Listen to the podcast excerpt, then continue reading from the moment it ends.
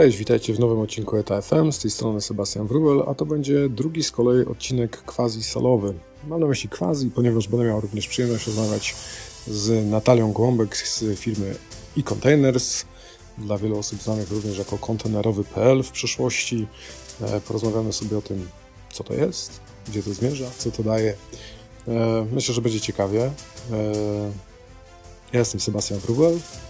Zazwyczaj mam przyjemność nagrywać z kimś ze wspaniałych współprowadzących. Niemniej dzisiaj mamy drugi tydzień ferii na Pomorzu. No i tak przypadło, że będę nagrywał go sam. Nagrywać możemy jak zawsze dzięki wsparciu naszych partnerów i sponsorów AC Ponad, czyli agencja celna, EQ Worldwide, czyli kolauder ładunków drobnicowych, Baltic Hub, największy terminal kontenerowy na Bałtyku i Balticon, czyli firma transportowa, operator depo. Zacznę jak zawsze od indeksów. Indeksy dzisiaj w naszej magicznej tabelce e, w dosyć e, e, czerwonych kolorach, bym powiedział, czyli w naszym ujęciu oznaczających spadki na indeksach. Właściwie tylko jeden jest w. No dobra, w sumie, w sumie nie jeden, w sumie trzy, ale z tych głównych to mamy jeden który jest dosyć ważny, który ma tendencję wzrostową. Jest to Transpacyfik e, z Chin i Azji Południowo-Wschodniej do Ameryki Północnej, do zachodniego wybrzeża. No i tutaj mamy 6% e, wzrost. No, można powiedzieć, że do tegorocznych e, najwyższych wyników, jakie, jakie miały miejsce, sam indeks już wynosi w tej chwili 4367 dolarów, aczkolwiek to bardziej jednostki, jak to zwykle w indeksach. Mówię tu oczywiście o Freightos Baltic Index. Później patrząc, mamy również e, wzrosty w tej samej relacji, e, powiedzmy, Transpacyfiku, aczkolwiek to już jest trochę zawsze bardziej zagmatwane, bo mówimy o wschodnim wybrzeżu.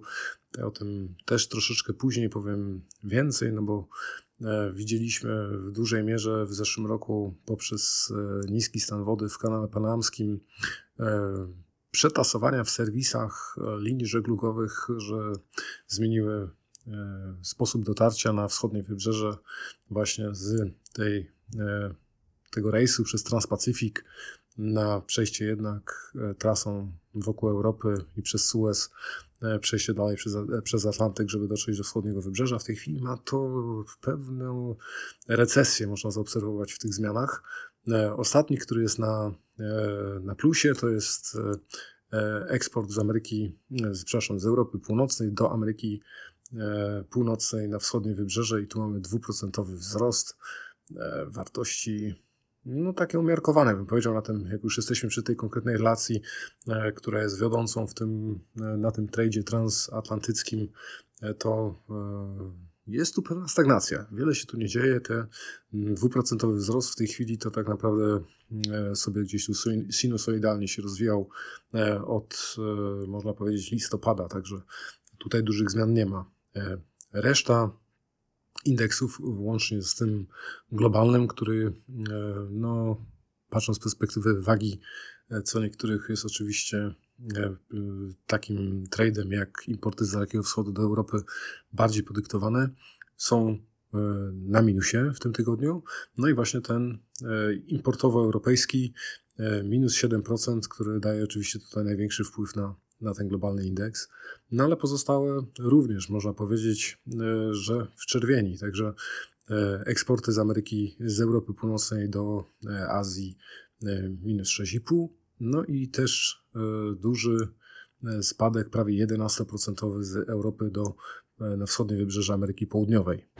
Patrząc da, z kolei na to, co się dzieje w ogóle w tej chwili na morzach i oceanach, no to oczywiście wciąż mówimy o sytuacji wokół Morza Czerwonego, czy też Zatoki koło Jemenu.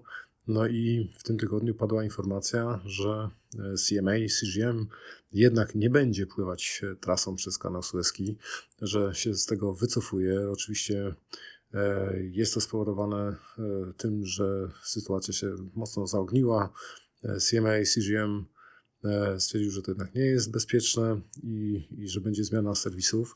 W poniedziałek rano, czyli już w tygodniu szóstym, e, ta informacja nie miała jeszcze potwierdzenia e, oficjalnego z, e, z CMA, także nie wiemy do końca, czy, jest to, czy są to jakieś spekulacje, e, czy też nie. E, Niemniej taka informacja wisi gdzieś w eterze.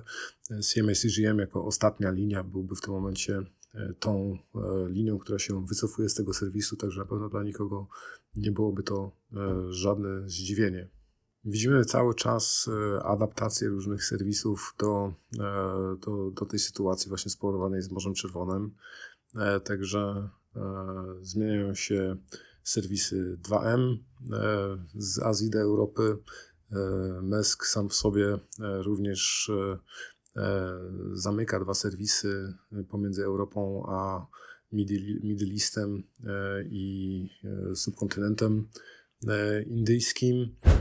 Ciekawie wygląda sytuacja naszych zachodnich sąsiadów, a mianowicie pod Bremerhaven zaczyna e, być bardziej atrakcyjny dla MSC i MSK i obydwaj e, przenoszą po jednym ze swoich e, serwisów północ-południe właśnie do Bremerhaven. Oni nie tyle co przenosić, co dodają Bremerhaven do serwisu, także Hamburg cały czas zostaje. MSC od marca w swoim serwisie Europa Północna i Południowa Afryka, a e, Mersk, mówimy tutaj o połączeniu e, z Ameryką Południową, ze wschodnim wybrzeżem, e, tak zwany Samba Service.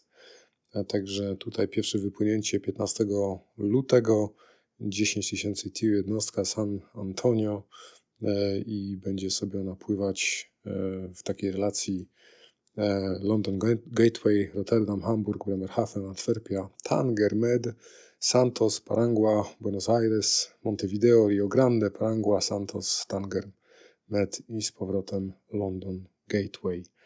Także to ze strony Merska, a MSC w tym momencie trochę mniejsza jednostka 9400 MSC Branka i e, tutaj pełna rotacja e, tego serwisu będzie wyglądała następująco. Również London Gateway, Rotterdam, Antwerpia, Hamburg, wspomniany Bremerhaven, Le Havre, Sines, Las Palmas, Góra, Durban, Góra, Cape Town, Las Palmas i z powrotem do Londynu. Także Bremerhaven dochodzi w tym momencie do tych serwisów. Tak jak wspomniałem wcześniej, 2M update'uje swoje serwisy i w tym momencie Maersk właśnie poinformował, że będzie dzielić te serwisy na różne regiony. Także mówimy o osobnych serwisach pomiędzy e, Middle Eastem i Półwyspem Subindyjskim oraz osobnym e, pomiędzy Morzem Czerwonym a Morzem Śródziemnym. No jest to dosyć e, naturalna kolej rzeczy. Serwis, trzeba obsłużyć ten wolumen, który gdzieś tam regionalnie powinien zostać obsłużony, a przez niedrożne przejście na Morze Czerwone, no niestety tutaj od południowej strony nie można tego w żaden inny sposób zrealizować. Dla firm, które gdzieś e, są zainteresowane e, rynkiem duńsko-szwedzkim, to również e, zmiany w CMA-u. E, CMA e, powraca do serwisu Denmark Express i rozszerza go właśnie o Szwecję. Tym samym e, będzie chodzić sobie w takim e, fajnym e, kółeczku złożonym z trzech portów, nie mylić tych, co są w Gemini. E, Jest Rotterdam, czyli powiedzmy ta brama do, do wszystkich serwisów. E, Dalej e, Ochus e, w Danii i Helsingborg e, w Szwecji. Tymczasem Samskip e, do swoich połączeń w Rotterdamie dodaje również dwa e, kółeczka związane z Półwyspem Iberyjskim. E, Mówimy tu o e, połączeniach, które będą realizowane e, razem z Unifilerem e, oraz razem z Ellermanem. E, I, pierwszy z nich, czyli ten z Unifiderem, będzie pływać, e, będzie możliwość, że tak powiem, pływania z Samskipem w relacji e, Rotterdam, Lizbona, Lesoire, Rotterdam. E, Tymczasem ten we współpracy z Ellermanem e, to jest tylko połączenie Rotterdam, e, Kadysz, Rotterdam e, z powrotem. Dużo różnych zmian, również e, tutaj w tych bli- bliskich relacjach zmiana w MSC dochodzi e, Dunkierka do e, serwisu NWC, e, tak zwanego kanaryjskiego, także mówimy o połączeniach pomiędzy Antwerpią, Dunkierką, Hamburgiem, z powrotem Antwerpią, London, Gateway, Le Havre, Tema, Lome, Lages, Lagos, e, Abidjan, Las Palmas i z powrotem do Antwerpii. Także Wyspy Kanaryjskie e, z MSC w tym momencie z wyjściem z Dunkierki są możliwe, jeżeli ktoś takowe potrzebuje. Tak, wspomniałem gdzieś na samym początku, e, zmiany tutaj w relacjach też na wschodnie wybrzeże Stanów Zjednoczonych, no i The Alliance, czyli wciąż Hapag-Lloyd, Hyundai Merchant Marine, ONI i Yang Ming zmieniają tutaj relacje swojego serwisu e, no, tak zwanego transpacyficznego, ponieważ no, skoro pływał przez Suez, to ciężko już to nazwać transpacyfikiem w sumie, ale e, EC1 wraca e, z powrotem do operowania przez kanał panamski od marca i tym samym nowa rotacja będzie z Qingdao, Shenzhen, Ningbo, Shanghai, Busan, Cartagena w Kolumbii, Savannah, Charleston, Wilmington, Norfolk, z powrotem Cartagena, ale omijana i z powrotem do Busan i do Qingdao. Jeżeli mowa o flocie, no to tak jak już od samego początku, e, można powiedzieć, że nawet z zeszłego roku wspominaliśmy, bardzo dużo nowych jednostek e, schodzących na wodę lista od początku stycznia no już jest, bym powiedział, na prawie 30 nazw. Z tych największych jednostek mamy WOCL Valencję, 24 tysiące, później 3, 4 pozycje e, z żółtym logo 16-15 e, tysięczne, MSC Orszola, Idania, Rosa, Anita, Później mamy jeszcze wciąż w podobnej klasie 15-tysięczników Meska Cincinnati, ONI Focus, CMA CGM Cedrus, e, Costco e, Szk Argentina i później jeszcze Porceria Express Hapaga i 13-tysięczny One High o wdzięcznej nazwie A13.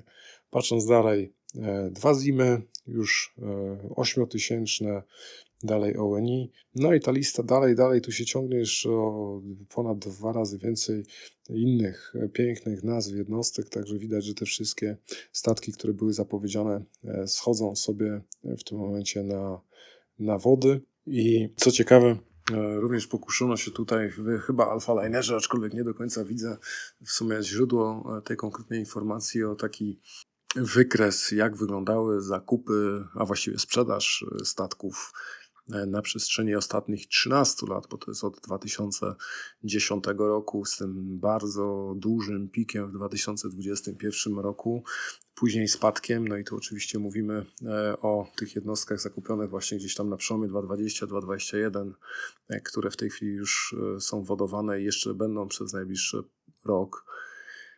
E, tamten pik e, dwukrotnie większy prawie niż to, co zostało sprzedane w roku następnym, czyli w 2022, prawie tyle samo co w 2023. E, to, co mogę wyciągnąć tutaj wnioski. 2021 na pewno był bardzo wysoki. Rozmawialiśmy o tym nieraz. Powodów jest wiele. Dobra sytuacja finansowa, ale również zmiany ekologiczne i potrzeba tutaj zaktualizowania floty. I to, co też należy pamiętać, bo mam wrażenie, że wiele osób o tym zapomina, to e, to, że linie żeglugowe skonteneryzowane to jest niewielki, a już na pewno nieznaczący ułamek e, wszystkich jednostek pływających. Regulacje e, ekologiczne będą miały wpływ na cały rynek. No i tym samym linie żeglugowe naprawdę kierowały się, no można powiedzieć, takimi względami długoterminowymi, zamawiając e, nowe jednostki, wiedząc, że to nie będzie do końca pewnie idealny moment i wiedząc, z czym to się wiąże, gdy, gdy przerośnie e, podaż miejsca, przerośnie e, popyt, jak to zachwieje rynkiem. Niemniej, w momencie, gdy większość rynku zacznie składać te zamówienia do stoczni, to te jednostki będą dużo, dużo droższe. Także E, także to też stało podstaw tutaj takiej, a nie innej decyzji linii żeglugowych. No i myślę, że, że te decyzje były jak najbardziej trafne. E, w tej chwili oczywiście mamy lekkie zachwianie pomiędzy tym e, popytem i podażą. Zupełnie krótkoterminowo się to wyrównało przez sytuację na Morzu Czerwonym, czy też przed Morzem Czerwonym. Niemniej e, sprzedaż, która była w 2023 roku, jeżeli porównamy sobie ten słupek do no, in poprzednich lat, no to on jest na podobnym poziomie co 2020, trochę wyżej niż 2,19, mniej więcej to samo co w 2,18, to samo co 2,15, 2,14. Są dołki. Jest rok 2012, który był wybitnym dołkiem z racji tego, jak wyglądał rynek w tamtym czasie. Aczkolwiek powiedziałbym, że jest to poziom taki umiarkowany w, całych, w całych tych, w całym tym, na całym tym wykresie i chyba też nikt tutaj nie doszukuje się nie wiadomo jakich dramatów, jeżeli chodzi o spadek popytu na, na nowe jednostki. W tym tygodniu pojawiła się również informacja, że ONI i Nihon e, Shipyard, czyli jedna z większych e, stoczni, czy też grup stoczniowych, nawiązała porozumienie, jeżeli chodzi o opracowanie i rozwój w ogóle tutaj technologii zasilania jednostek pływających amoniakiem. Także to jest ciekawa informacja. Technologia z perspektywy samego napędu dosyć podobna do metanolowej, e, aczkolwiek amoniak w tym momencie jako źródło bardziej, e, czy też paliwo, e, w zupełnie inny sposób przechowywane i inna, inne można powiedzieć, wyzwania tak, przed tym stojące. Także taka współpraca na pewno jest potrzebna. Na pewno jest to alternatywne źródło napędu, które jest jak najbardziej potrzebne z perspektywy E, przyszłych regulacji i w ogóle oczekiwań konsumentów, tak jak my wszyscy. E, także informacja, myślę, pozytywna. E, nie doszukałem się informacji, kiedy dokładnie mają być pierwsze wyniki tej współpracy i co ma być tym wynikiem tej współpracy. Jednakże na pewno jest to no, ta wspólna podróż w kierunku tego net zero w 2050 roku. Także trzymam kciuki. Z informacji europejskich, jeżeli chodzi o porty, e, pojawiło się już potwierdzenie, że e, odbył się finalny e, test e, tutaj pogłębionego e, podejścia do Antwerpii. Mówimy tu w tym momencie o 16 metrach e, głębokości i pierwszym statkiem, który wpłynął było MSC Aurora. Także Antwerpia teraz już o takiej głębokości, pogłębienie e, zostało wykonane o tak naprawdę niecałe pół metra. Wcześniejsza głębokość miała 15,56. No i port w tym momencie e, informuje, że dzięki temu będą mogły przychodzić statki, które będą miały e, dodatkowy 1000 TU e, na pokładzie. Pojawiły się statystyki e, ze zachodniego wybrzeża, jeżeli chodzi o wartości wolumenowe w 2023 roku. Zachodnie wybrzeże od samego, można powiedzieć, początku pandemii było chyba jednym z najbardziej rozgrzanych miejsc na świecie, jeżeli chodzi o, o, o piki wolumenowe i o to, jakie wzrosty były tak naprawdę na tym, w tej części świata realizowane. Także E, nie mam pewności, czy, czy to wciąż jest jakaś forma z, e, powrotu do nowej normalności, e, czy też nie. Niemniej statystyki są tutaj nieobłagane. Mówimy o drugim roku pod rząd spadków właściwie w właściwie we wszystkich głównych portach zachodniego wybrzeża. Także jeżeli mowa o tym największym, czyli o zespole portów Long Beach, E, Los Angeles, e, to w Long Beach mamy w tym momencie zrealizowane, e, obsłużone 8 milionów TIU w 2023 roku. Rok wcześniej było to ponad 9, dwa lata wcześniej było to prawie 9,5.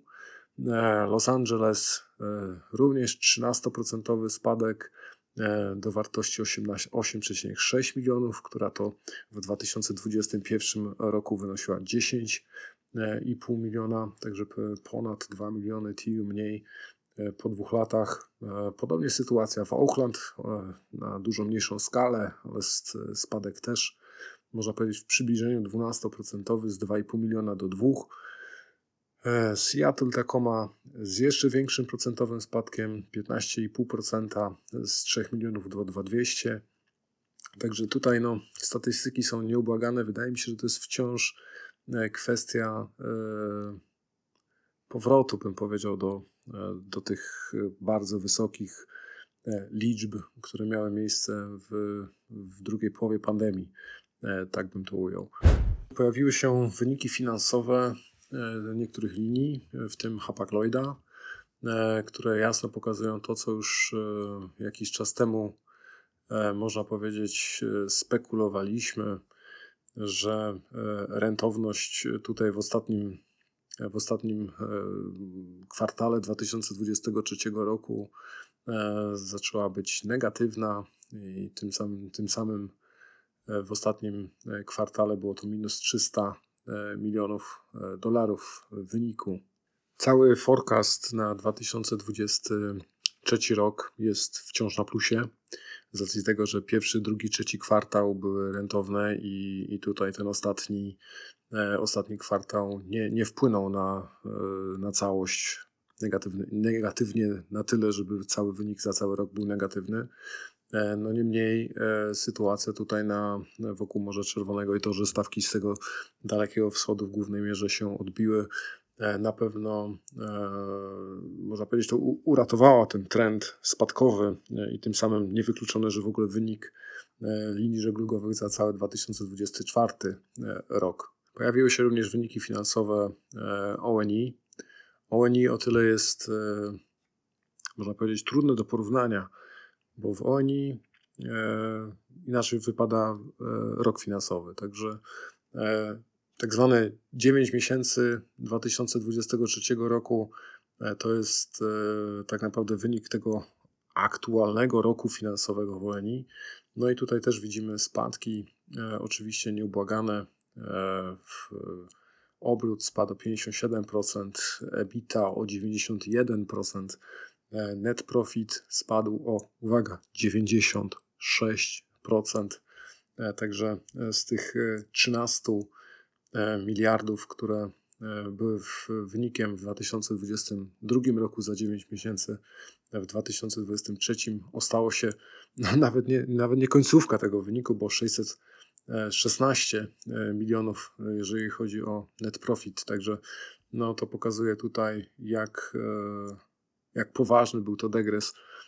To, o czym rozmawialiśmy przez właściwie cały zeszły rok, że tak, że w, w tym kierunku zmierza rynek. No i w tej chwili zbieg różnych niefortunnych zdarzeń wokół, można powiedzieć, z początkiem w Izraelu spowodował w tej chwili zakłócenia w łańcuchu, e, które ostatecznie wpłynęły na wzrost stawek e, z, no na początku na, na tych kierunkach e, z Dalekiego Wschodu w dużej mierze. Później, później się to jak zwykle, można powiedzieć, wylało na, na inne relacje, aczkolwiek transatlantyk na przykład wciąż zostaje taki mało, bym powiedział, małym impaktem z tych wydarzeń no, tak czy inaczej e, ratuje to wyniki finansowe e, linii żeglugowych. ONI jako cały rok na pewno będzie miało e, dużo lepszy niż pozostałe linie z racji tego, że ten pierwszy kwartał 2024 wejdzie do wyniku finansowego za zeszły rok, także, także tutaj wynik będzie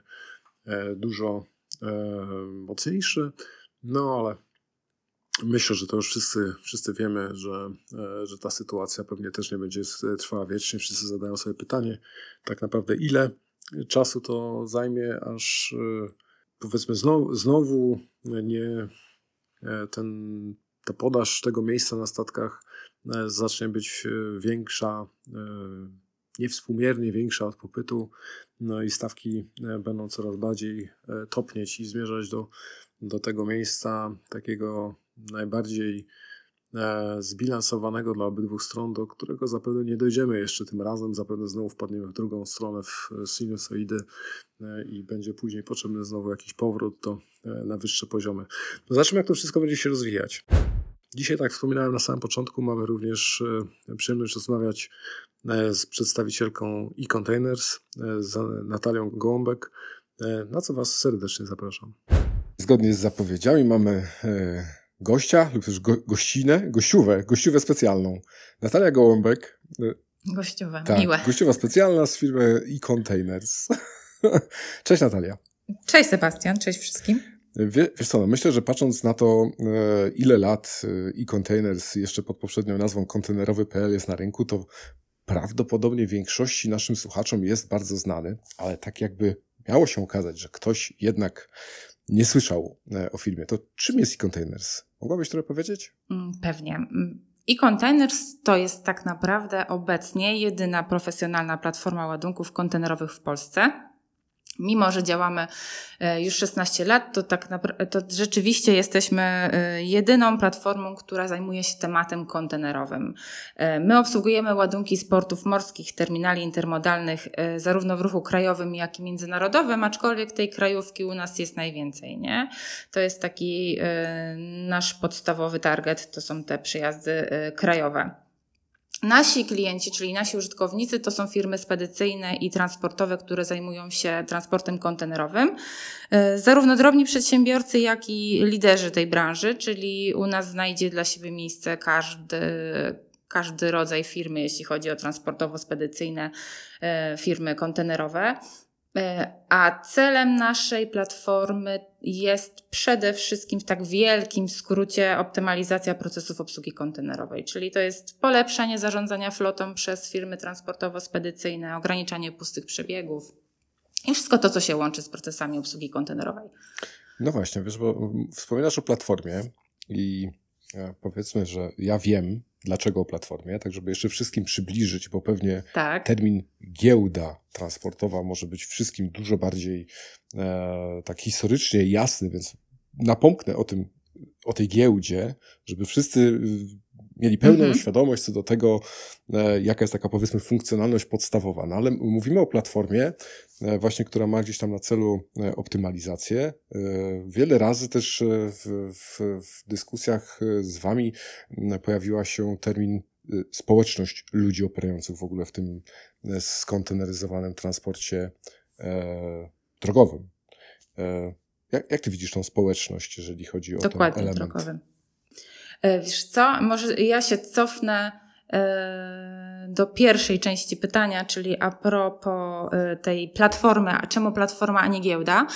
Ja w ogóle pracuję w, w e-containers od 2019 roku i to był czas, kiedy u nas bardzo dużo w firmie się działo, ponieważ myśmy wchodzili w decydującą fazę pracy nad nowym serwisem.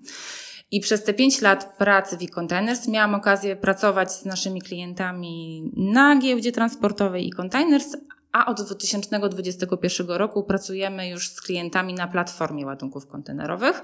To jest e, coś więcej niż giełda transportowa, bo my obecnie mm, dodatkowo oferujemy monitoring przewozu ładunków, stworzyliśmy mm, opcje kontraktów, aukcji, również spersonalizowany czat dla naszych użytkowników, dlatego mm, nazywamy się teraz platformą, a nie giełdą, bo oferujemy dużo więcej niż samą giełdę. E, to to wyjaśnienie, jeśli chodzi o tą, mhm. dlaczego nie giełda, a dlaczego platforma. A jeśli chodzi o tą społeczność, to my działamy 16 e, lat na giełdzie. Tak naprawdę jesteśmy pionierem cyfryzacji obsługi e, procesów kontenerowych w Polsce. I naszym dużym sukcesem jest to, że przez te 16 lat mamy grono firm, które są z nami od samego początku do tej pory. To jest naprawdę, no nie wyliczę teraz Ci w liczbach, ile tego jest, bo to też nie, nie chcę tutaj tego wszystkiego tutaj zdradzać, ale mamy bardzo dużą ilość firm, które są z nami od samego początku, po 16, 15, 14 lat, bardzo dużą ilość firm, która z nami jest ponad 10 lat. I to jest myślę nasz największy sukces, że e, tak długim zaufaniem, lojalnością cieszymy się w tym hermetycznym, jak ty pewnie dobrze wiesz, mm, środowisku transportu kontenerowego, bo tutaj się wszyscy dobrze znamy wszyscy ze sobą długie lata pracujemy i my też y, długie lata współpracujemy z tymi firmami, które tutaj są e, w Trójmieście i w całym kraju i zajmują się transportem kontenerowym. Zresztą e, e-containers swoją siedzibę ma w samym sercu transportu kontenerowego. Pewnie się ze mną zgodzisz, że jest to Gdynia. Nie sposób się nie e, zgodzić i nie sposób się zgodzić, bo nie chciałbym tak. tu nikomu, że tak powiem, na, nacisnąć. Zdania są tak, podzielone. Rozumiem. No Gdynia, Gdańsk, ale raczej, tak, tak, ale raczej jest to, raczej jest to Trójmiasto. Tak, to, to, to raczej na e, pewno. I tak, tak, tak. Więc y, to jest naprawdę nasz ogromny sukces, że my przez tyle lat jednoczymy tak wiele firm, które e, zajmują się transportem kontenerowym i one są tak naprawdę fundamentem, myślę, naszego sukcesu w Polsce, jeśli chodzi o tak długoletnie działanie w tej branży. Natalia, 16 lat to jest strasznie dużo czasu. Bo tak, wiesz, żeby sobie tylko to uzmysłowić w ogóle, nie? 16 lat, to mówimy o 2000 2007 roku. 2007 rok to jest. Ósmy. Nawet... Ósmy. Który? 2008, już mamy 2024 Ach, teraz. tak liczysz, dobrze. To czyli Więc 2008. 2008. Rok. No to tak. to jest jakaś e, końcówka chyba w ogóle, kiedy na rynku tego frachtu e, morskiego działała e, lub też właśnie przestała działać e, konferencja armatorska. Rynek się przewrócił do góry nogami kilka razy, że tak powiem, zwłaszcza w tych ostatnich tam czterech latach Mhm. widzimy tą dynamikę e, bardzo dużą, jeżeli o to chodzi, co się dzieje na rynku. E, No, nie sposób, żeby e, giełda, platforma działała przez tak długi okres czasu e, w ten sam sposób. I jak wam się to udało zrobić, że, że ciągle się rozwijacie i, i wiecie, co rozwijać? Wiesz co, e, ja tych czasów założenia naszego Incontainers to dokładnie e, nie znam. E, Znam tylko z opowieści z tego względu, że ja wtedy się branżą nie zajmowałam, wtedy na studiach jeszcze byłam, ale wiem od naszych twórców, że w 2008 roku to był czas tak mówisz, dużych zmian, ale też dyna dużej dynamiki, jeśli chodzi o, ten, e, o tą branżę. E, Też te, Polska zaczynała mieć większe znaczenie na międzynarodowym e, w ogóle rynku, jeśli chodzi o transport kontenerowy i tego wolumenu było więcej, a mimo to to mm, zaufanie wobec cyfryzacji było bardzo niskie. To była wręcz, mm, wszyscy się opierali cyfryzacji w tamtym czasie, więc to było duże wyzwanie i myślę, że już podjęcie tego tematu i postawienie na cyfryzację w tamtym czasie to był jakby pierwszy krok do tego sukcesu, jaki mamy obecnie teraz. A druga sprawa jest to, że my zawsze e, od początku wsłuchiwaliśmy się w potrzeby naszych klientów. E, Przy w 2008 roku e, był kontenerowy.pl, w 2011 zmieniliśmy się w e-containers.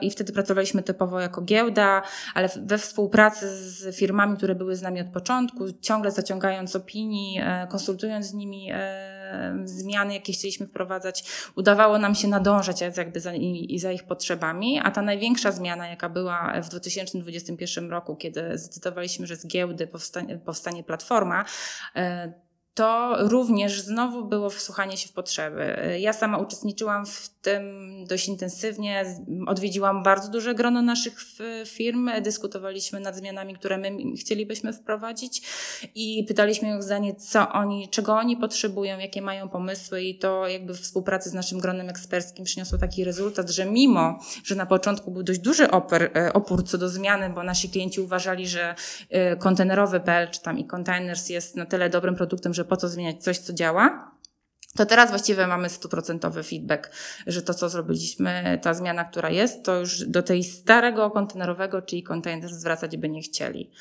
E, Więc myślę, że tutaj tym głównym sukcesem u nas jest to, że my naprawdę jesteśmy e, zawsze e, wyczuleni na potrzebę spedytora i przewoźnika, jesteśmy z nimi w ciągłym kontakcie.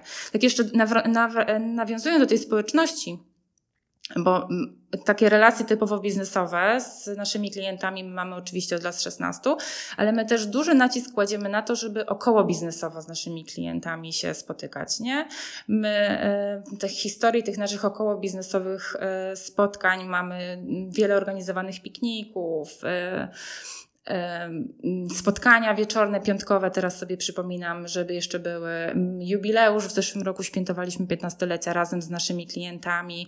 E, Jesteśmy od paru lat sponsorem tego popularnego biegu na terminalu, gdzie to środowisko kontenerowe ma przyjemność się spotkać, więc myślę, że to, że my też jesteśmy tak około biznesowo z naszymi klientami i oni nas znają i wiedzą, że my chcemy jakby być w tym sercu tego transportu kontenerowego, to też się przekłada bezpośrednio na to takie zaufanie, lojalność i wzajemną, wzajemne jakby wspieranie się współpracy, bo naprawdę my nie traktujemy się jako taką typowo giełdę transportową, tylko taką społeczność osób operujących w tym transporcie kontenerowym, tak jak to wspomniałeś wcześniej. To jest dla nas coś y, takiego kluczowego, żeby oprócz tego biznesu być po prostu w tym y, transporcie kontenerowym obecnym. Wiesz co, tak, tak o tym mówiłaś, że zacząłem sobie myśleć w tej chwili, że, e, że mamy w tej chwili powiedzmy takie, e, nie wiem, trzy główne huby, bym powiedział, e, w ogóle w branży, gdzie jednym hubem takim naturalnym powiedzmy jest e, port, e, łą- łącznie z Baltic Hubiem, jak cała nazwa, cała nazwa wskazuje, czyli jednak jakaś tam część tych wszystkich wydarzeń no i, i, zawsze każdy transport jest realizowany przez któryś z portów. I jesteście wy Mhm. faktycznie jako wiesz, jako taki rozwiązanie cyfrowe dla firm, które prędzej czy później będą musiały ten towar z do portu e, dostarczyć, więc będą musiały zrealizować ten, to przesunięcie, bym powiedział, pomiędzy terminalem a e, załadowcą, czy też e, importerem przez transport drogowy i wy umożliwiacie tutaj, facilitujecie ten, ten proces. No, tak chciał, chciałbym wierzyć, że jest ten trzeci jeszcze, tutaj nasza ETA, która działa gdzieś w tym obszarze informacyjnym i, i to jest w sumie bardzo ciekawe, bo Wcześniej tak się nigdy nie zastanawiałem aż tak mocno, że mamy taką, tak, te, te punkty styku mamy y, bardzo silne w tym, co wy robicie, w tym, co porty robią, w tym, co, y, w, tom, w tym, co my robimy. E, no ale tak ładnie nazwałaś jeszcze tutaj ten wasz, nie wiem, ciekawość i odpowiadanie na, na potrzeby klientów. I z, z tego, co rozmawialiśmy wcześniej, takim jednym z tych punktów jest bezpieczeństwo gdzie wystawiacie to bezpieczeństwo waszych, no, bądź co bądź różnych i bardzo zróżnicowanych stron e, i uczestników tej e, platformy waszej e, w swojej usłudze? Mm, tak, to tutaj trafiłeś, bo bezpieczeństwo to dla nas, dla nas kluczowa sprawa, priorytetowa sprawa zawsze. Temat taki jeden z top 3, myślę, jak nie top 1. Dzieje się tak dlatego, że pewnie, nie wiem, czy kiedyś pracowałeś na giełdzie transportowej, ale giełdy transportowe przez no właśnie, to pewnie wiesz, że one niestety czasem się cieszą taką pejoratywną dość opinią, że tam oszuści, łatwo stracić y, dobre kontakty raczej niż nawiązać i taka ogółem negatywna y, zawsze negatywną opinię miały, a u nas dlatego to bezpieczeństwo transakcji było traktowane priorytetowo i myślę, że też dlatego mamy taką dobrą opinię bo to jest y, dla nas temat numer jeden i my mamy jakby takie cztery must have, jeśli chodzi o bezpieczeństwo transakcji u nas na giełdzie. Po pierwsze, u nas to się rozpoczyna przez precyzyjną weryfikację klientów. My mamy takie przekonanie, że jeśli nasi klienci współpracują tylko ze zweryfikowanymi podmiotami, to wtedy my minimalizujemy to ryzyko oszustw i nieuczciwych działań. To jest taki must have numer jeden. Druga sprawa to zawsze monitorujemy sytuację finansową klienta to y, jest bardzo istotne, dlatego że jeżeli my pozwolimy im uniknąć współpracy z firmami o niepewnej sytuacji finansowej, to to ma jakby bezpośrednie przełożenie na e, stabilność transakcji, minimalizuje ryzyko niewypłacalności. To takie oczywista oczywistość, ale rzeczywiście bardzo na to duży nacisk kładziemy i e, monitorujemy tą sytuację finansową klientów. E, I też bardzo popularne jest w przypadku giełd transportowych, że oferują one okres darmowy próbny, tak zwany, a my akurat ten model odrzuciliśmy. I dzieje się to u nas dlatego, że y, mamy takie doświadczenie, że często te darmowe okresy próbne to jest taka, taka okazja do potencjalnego nadużycia systemu, jakby, że one tak naprawdę nie mają realnych zamiarów korzystania z usług, a w tym czasie mogą nam zrobić, kolokwialnie mówiąc, bałagan na giełdzie, a my tego nie chcemy, bo jak już wcześniej wspominałam, to jest naprawdę bardzo hermetyczne środowisko i dla nas naprawdę istotne jest to, żeby ta grupa firm, która jest i korzysta, nie miała takich nieprzyjemnych sytuacji z firmami, które chcą wejść na chwilę i tak brzydko mówiąc nabałaganić. Mhm. E, więc to są takie trzy, właściwie trzy must i przez ten brak umów, u tych darmowych testów to też mamy takie, skupiamy się na tym, żeby jeśli ktoś już chce współpracować z e-containers, a co za tym idzie, chce współpracować z naszymi klientami, to musi się z nami zobowiązać umową. E, i jakby zaakceptować regulamin, bo w momencie, kiedy on się z nami formalnie zobowiąże, to to dla nas jest jakby dodatkowa warstwa zabezpieczeń. Ja wiem, że to są takie nudy, to się nudno słucha, ale to bezpieczeństwo transakcji w tym biznesie to jest na przykład, no kluczowe jest, no żeby dobrze prowadzić biznes trzeba mieć to na uwadze i dla nas naprawdę te cztery, cztery punkty to jest taki must have, jeśli chodzi o nowego klienta. Mhm. To, co my robimy dla klientów dodatkowo, dla tych, którzy są na giełdzie i na platformie, to jest to, że my pomagamy monitorować należności.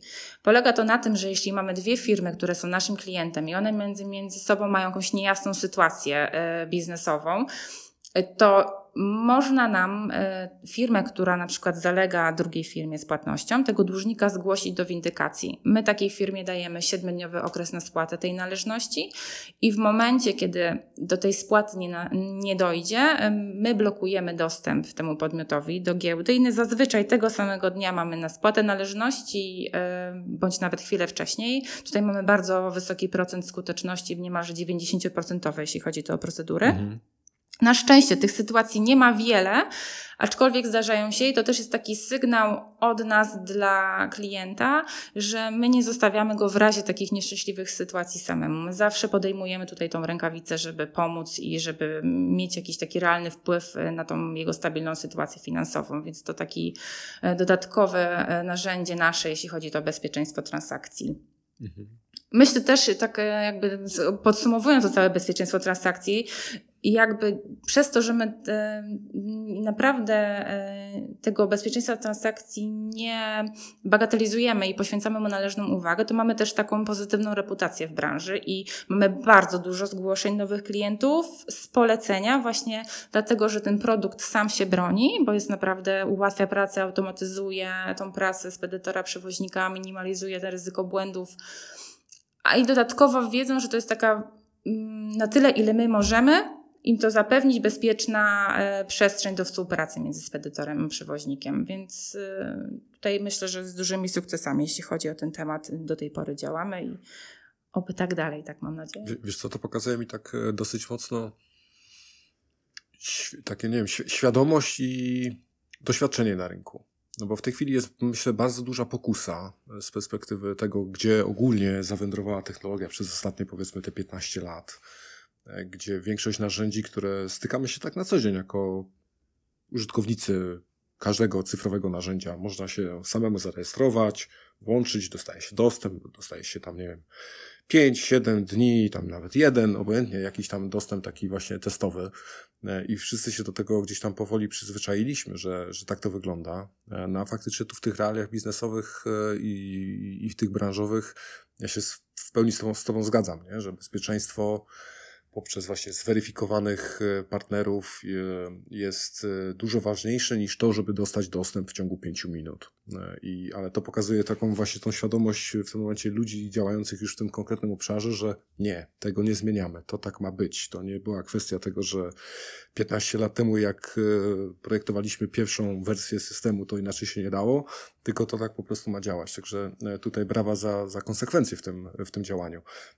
A powiedz mi, tak w tej chwili, e, co, co ciekawego jeszcze tworzycie, jeżeli chodzi o nowe funkcjonalności, takie, które właśnie mają coś ulepszyć e, dla, dla której ze stron, czy obydwu stron tutaj, no bo to mówimy o marketplace, także to jest zawsze jakiś, jakaś wypadkowa tak naprawdę budowania e, funkcjonalności tak. dla jednej strony przy użyciu drugiej strony robiącej jakąś konkretną rzecz i odwrotnie. No, generalnie na koniec końców oczywiście te wartości muszą być pewnie gdzieś tam porównywalne, dla obydwu stron, żeby wszyscy chcieli z tego korzystać. No ale powiedz, jak, jak, co, co nowego w Eterze?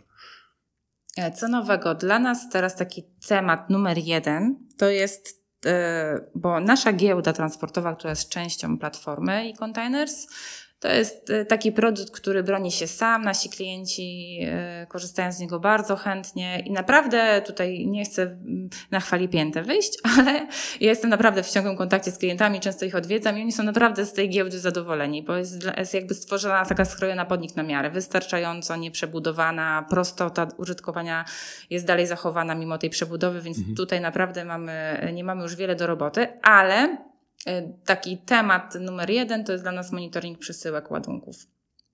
To jest e, dodatkowa funkcjonalność, którą wprowadziliśmy e, i ona raczkuje, powoli się rozwija, mhm. ale no tutaj duża, duży nacisk będziemy mieli na współpracę z naszymi klientami, żebyśmy pomogli jakby temu systemowi, który wiemy, że jest słuszny i w tym momencie się spotyka z pewnym takim sceptycyzmem, powiedzmy, że on w przyszłości zafunkcjonuje. Tak samo zresztą było z naszą giełdą. Ona też na początku sceptycznie była, była przyjmowana przez e, środowisko, bo to nowość, cyfryzacja mhm. i tak dalej, a jednak wystarczyło trochę czasu, współpracy, tłumaczenia i to zadziałało. Myślę, że z tym monitoringiem będzie podobnie. Zresztą ty znasz pewnie temat visibility szeroko pojętego bardzo dobrze i wiesz, e, że to jest no, e, must have, znowu mi się powtórzy, ale rzeczywiście w biznesie to będzie niedługo taki must have, którego, bez którego jakby dobrze współpracować pracować pomiędzy spedycją a przewoźnikami, no będzie ciężko. Wiesz, już da, już, Więc jakby tutaj ten... Już dawno nie rozmawiałem o tym visibility z nikim, bo to już chyba od ostatniego odcinka minęło, nie wiem, z półtora roku. Temat e, jak bumerang e, wraca w trudniejszych e, cza czasach. Wraca. Aktualnie znowu mocno wrócił. Dokładnie. Także myślę, że to pewnie dla Was też jakaś taka fala, na której warto by było się znaleźć na wierzchu, żeby właśnie wykorzystać w pełni ten kryzys, który gdzieś się pojawił. Jak to, co niektórzy mądrzy mówili, że kryzysy trzeba umieć, że tak powiem, przekuć dla siebie i nie można zmarnować dobrego kryzysu, więc aktualnie mamy kryzys na Morzu Czerwonym, który oczywiście będzie e, też miał swoje perturbacje w, w portach, czy też można powiedzieć już e, częściowo ma. E, I to planowanie na pewno znowu zaczyna być na językach, tak wszystkich, jak to w każdym momencie w czasie, kiedy, kiedy trochę mniej przewidywalnie rynek działa. Powiem Ci, że same kwestie monitoringu, no, to, to jest niesamowite. Yy, temat jest, bym powiedział, od bardzo długo w eterze, no bo to są już pewnie dobre 20 lat, kiedy wchodziły pierwszy monitoring taki pojazdów i w ogóle wykorzystanie takie wewnętrzne, bym powiedział, e, tej, tej lokalizacji floty, e, żeby ją e, optymalizować. W tej chwili wciąż wiele firm ma takie zapędy, żeby te informacje traktować jako czysto wewnętrzne, gdzie one jednak mają dużo szersze spektrum wykorzystania i dużo więcej są w stanie tak naprawdę dostarczyć tej wartości, gdyby były dzielone. I oczywiście jest rzesza firm, która gdzieś też e, próbuje to robić. Wy jesteście w takim unikalnym miejscu, bo jesteście już tym partnerem, który e, dla, dla tych stron, powiedzmy, organizujących transport i wykonujących transport, jesteście tym partnerem, z którymi są od lat. E, gdzie już nawet, e, tak jak wspomniałaś, to windykacja nie? No jest takim bardzo wrażliwym obszarem, czysto finansowym, e, który potencjalnie mogą się wszyscy gdzieś tam bać tego typu ingerencji, no ale wy już wykazaliście właśnie, że to jest wszystko robione z E, no, takim nadrzędnym celem e, tak naprawdę zapewnienia tych wartości dla, dla tych e, dwóch partnerów bezpośrednich biznesowych. Więc myślę, że jesteście w bardzo fajnej pozycji, żeby, żeby jednak ten monitoring dowieść w inny sposób niż, niż był wcześniej. A, a ja patrząc z perspektywy gdzieś tam osoby, która na co dzień działa w, bardziej w obszarze planowania łańcucha dostaw i, i optymalizacji tego łańcucha dostaw, E, no to dostęp do tych danych, dostęp do informacji i możliwość takiego proaktywnego reagowania i, i nie ściągania tak naprawdę codziennie rano e, wszystkich statusów, e, który samochód dojechał, a który nie dojechał, co, co jest nagminne, to, to, to wiesz, taki w czasie rzeczywistym dostęp do tych informacji i możliwość reagowania tylko na, na wyjątki, a nie na wszystko, co się dzieje, to dla mnie to jest w ogóle bezcenna. To ilość rzeczy, które można wokół tego zrobić, E, na co dzień, e, już później w planowaniu i w, w dalszym e, zmianach tak naprawdę tego, w jaki sposób jakiś łańcuch działa, jest niewyobrażalna. Więc ja trzymam kciuki tylko za, za tego typu rozwiązania, pomimo tego, że jeszcze tak dużo o nim nie powiedziałaś. Tak, to jeśli chodzi o nasz monitoring, to on jest bardzo uniwersalny, bo my wykorzystujemy tylko i wyłącznie geolokalizację telefonu kierowcy. To umożliwia śledzenie spedytorowi na bieżąco statusu realizacji oferty i to jest y, super proste. Y, wystarczy, że spedytor dogada się z przewoźnikiem u nas na platformie.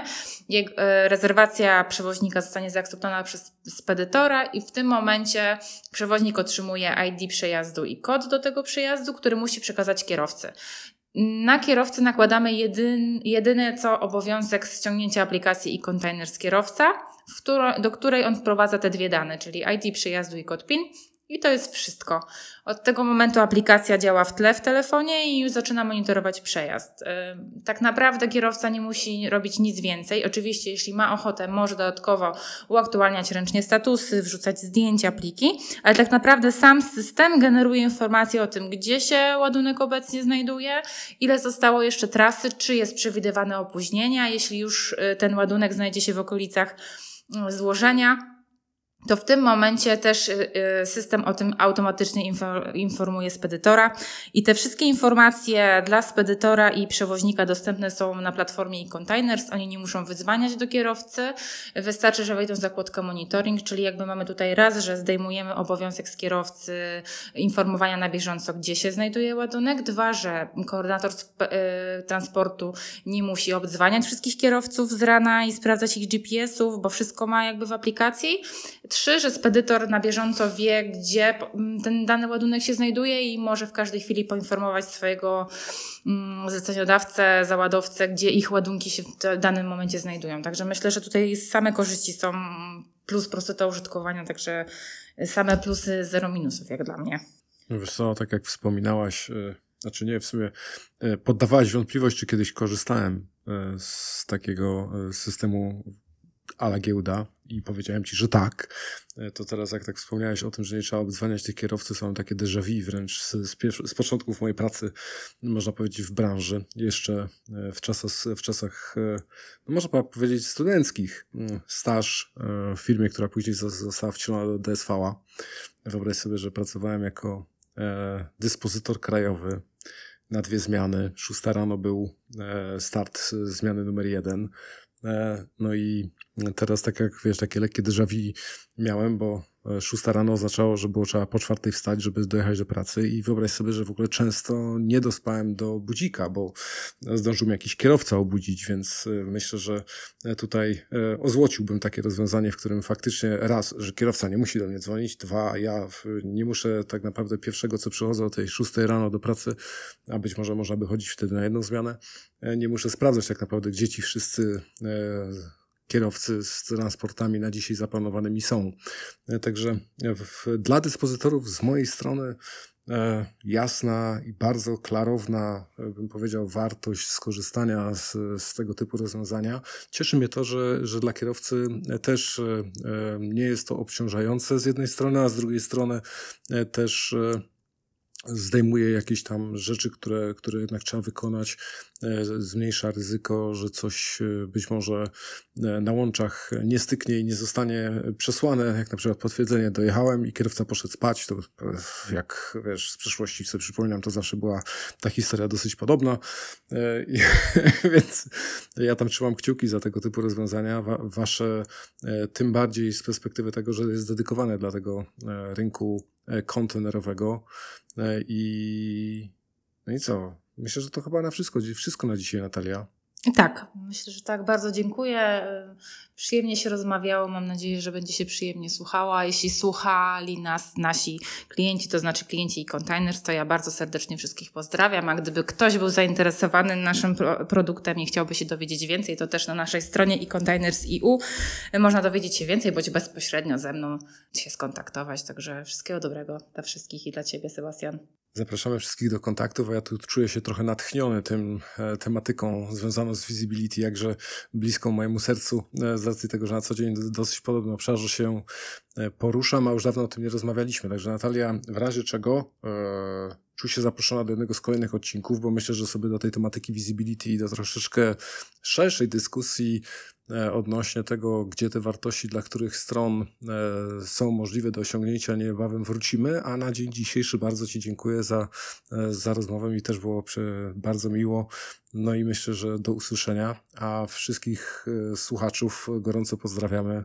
Życzymy udanych tygodni i w kontakcie. No i na dzisiaj to już będzie wszystko, także życzymy Wam w imieniu całego ETFM udanego tygodnia. Jest to jeszcze tydzień feriowy na, w województwie pomorskim. E, pozostałe województwa e, zaczną się przeplatać. E, w żaden sposób nie jestem w stanie panować nad tym, kto ma w tym, tygodniu, w tym tygodniu ferie, a kto nie. Że jeśli macie, życzę Wam udanego wypoczynku, ładowania baterii szaleństwa w białym puchu, czy też w ciepłych krajach, w zależności od tego, co planujecie, gdzie się wybieracie. A my słyszymy się jak zawsze za tydzień. Także do zobaczenia.